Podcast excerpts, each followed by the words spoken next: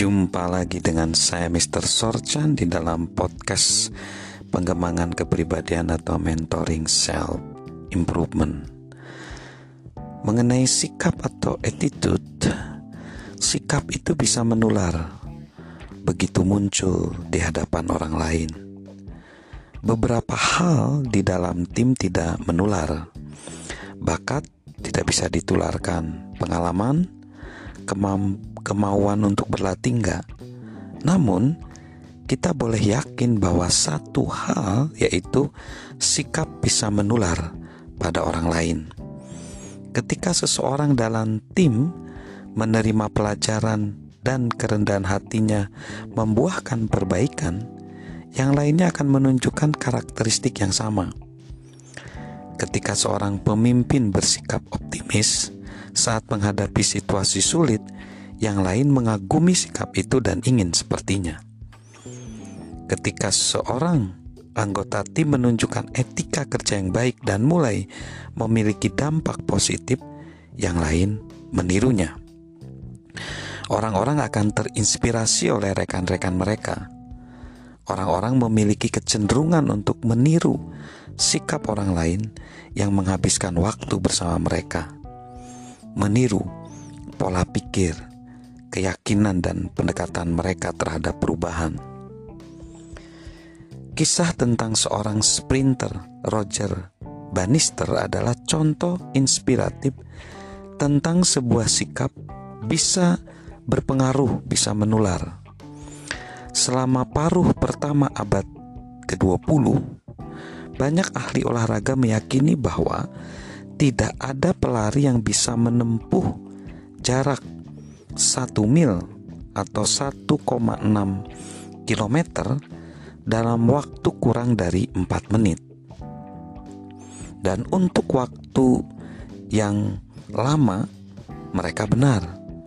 Namun pada 6 Mei 1954 seorang pelari dari Inggris yang juga seorang mahasiswa Roger Bannister menempuh jarak itu dalam waktu 3 menit 59,4 detik selama pertandingan di Oxford. Lalu kurang dari dua bulan kemudian pelari lain di Australia, John Landy juga melampaui batasan 4 menit. Lalu tiba-tiba puluhan bahkan ratusan pelari lain juga berhasil melakukannya bahkan sekarang menjadi satu hal yang biasa saja. Mengapa? Karena terjadi perubahan sikap dari para pelari sprinter sprinter tersebut. Mereka mulai meniru pola pikir dan keyakinan rekan-rekan mereka. Jadi, sikap dan tindakan Bannister menular ketika terlihat oleh yang lain. Sikapnya menyebar kepada orang lain. Saat ini ya kalau untuk ukuran segitu udah biasa banget ya. Jadi sikap itu menular. Itu. Lalu yang ketiga, sikap buruk menular lebih cepat daripada sikap yang baik. Hanya ada satu hal yang lebih menular daripada sikap baik sebenarnya ada sikap yang buruk Entah apa alasannya, banyak orang berpikir bahwa bersikap negatif itu sangat keren. Mungkin mereka pikir itu membuat mereka terlihat cerdas atau penting. Namun sebenarnya sikap yang negatif lebih melukai daripada membantu si pemilik sikap itu.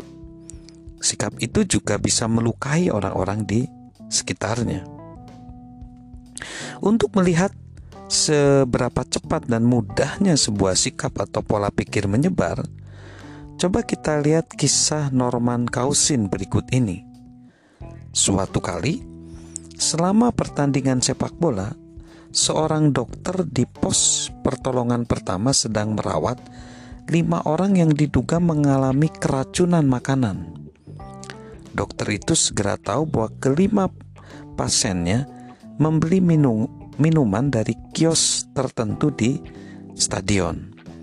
sang dokter meminta sebuah peringatan diumumkan agar orang-orang di stadion tidak membeli minuman dari penjual tertentu karena kemungkinan keracunan makanan.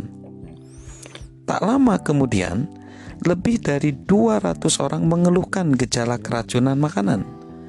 Setengah dari jumlah itu dalam kondisi parah hingga harus dibawa ke rumah sakit. Meskipun demikian, kisahnya tidak berakhir di situ.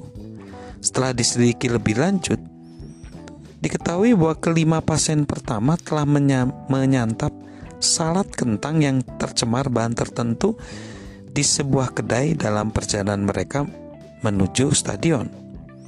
Ketika para penderita lain mengetahui bahwa minuman di stadion itu aman, mereka mengalami proses penyembuhan yang ajaib. Hal itu menunjukkan kepada kita bahwa sebuah konsep menular begitu cepat. Jadi, sikap buruk bisa menular ya. Dan dia lebih cepat daripada sikap yang baik. Salam attitude dari saya, Mr. Sorchan.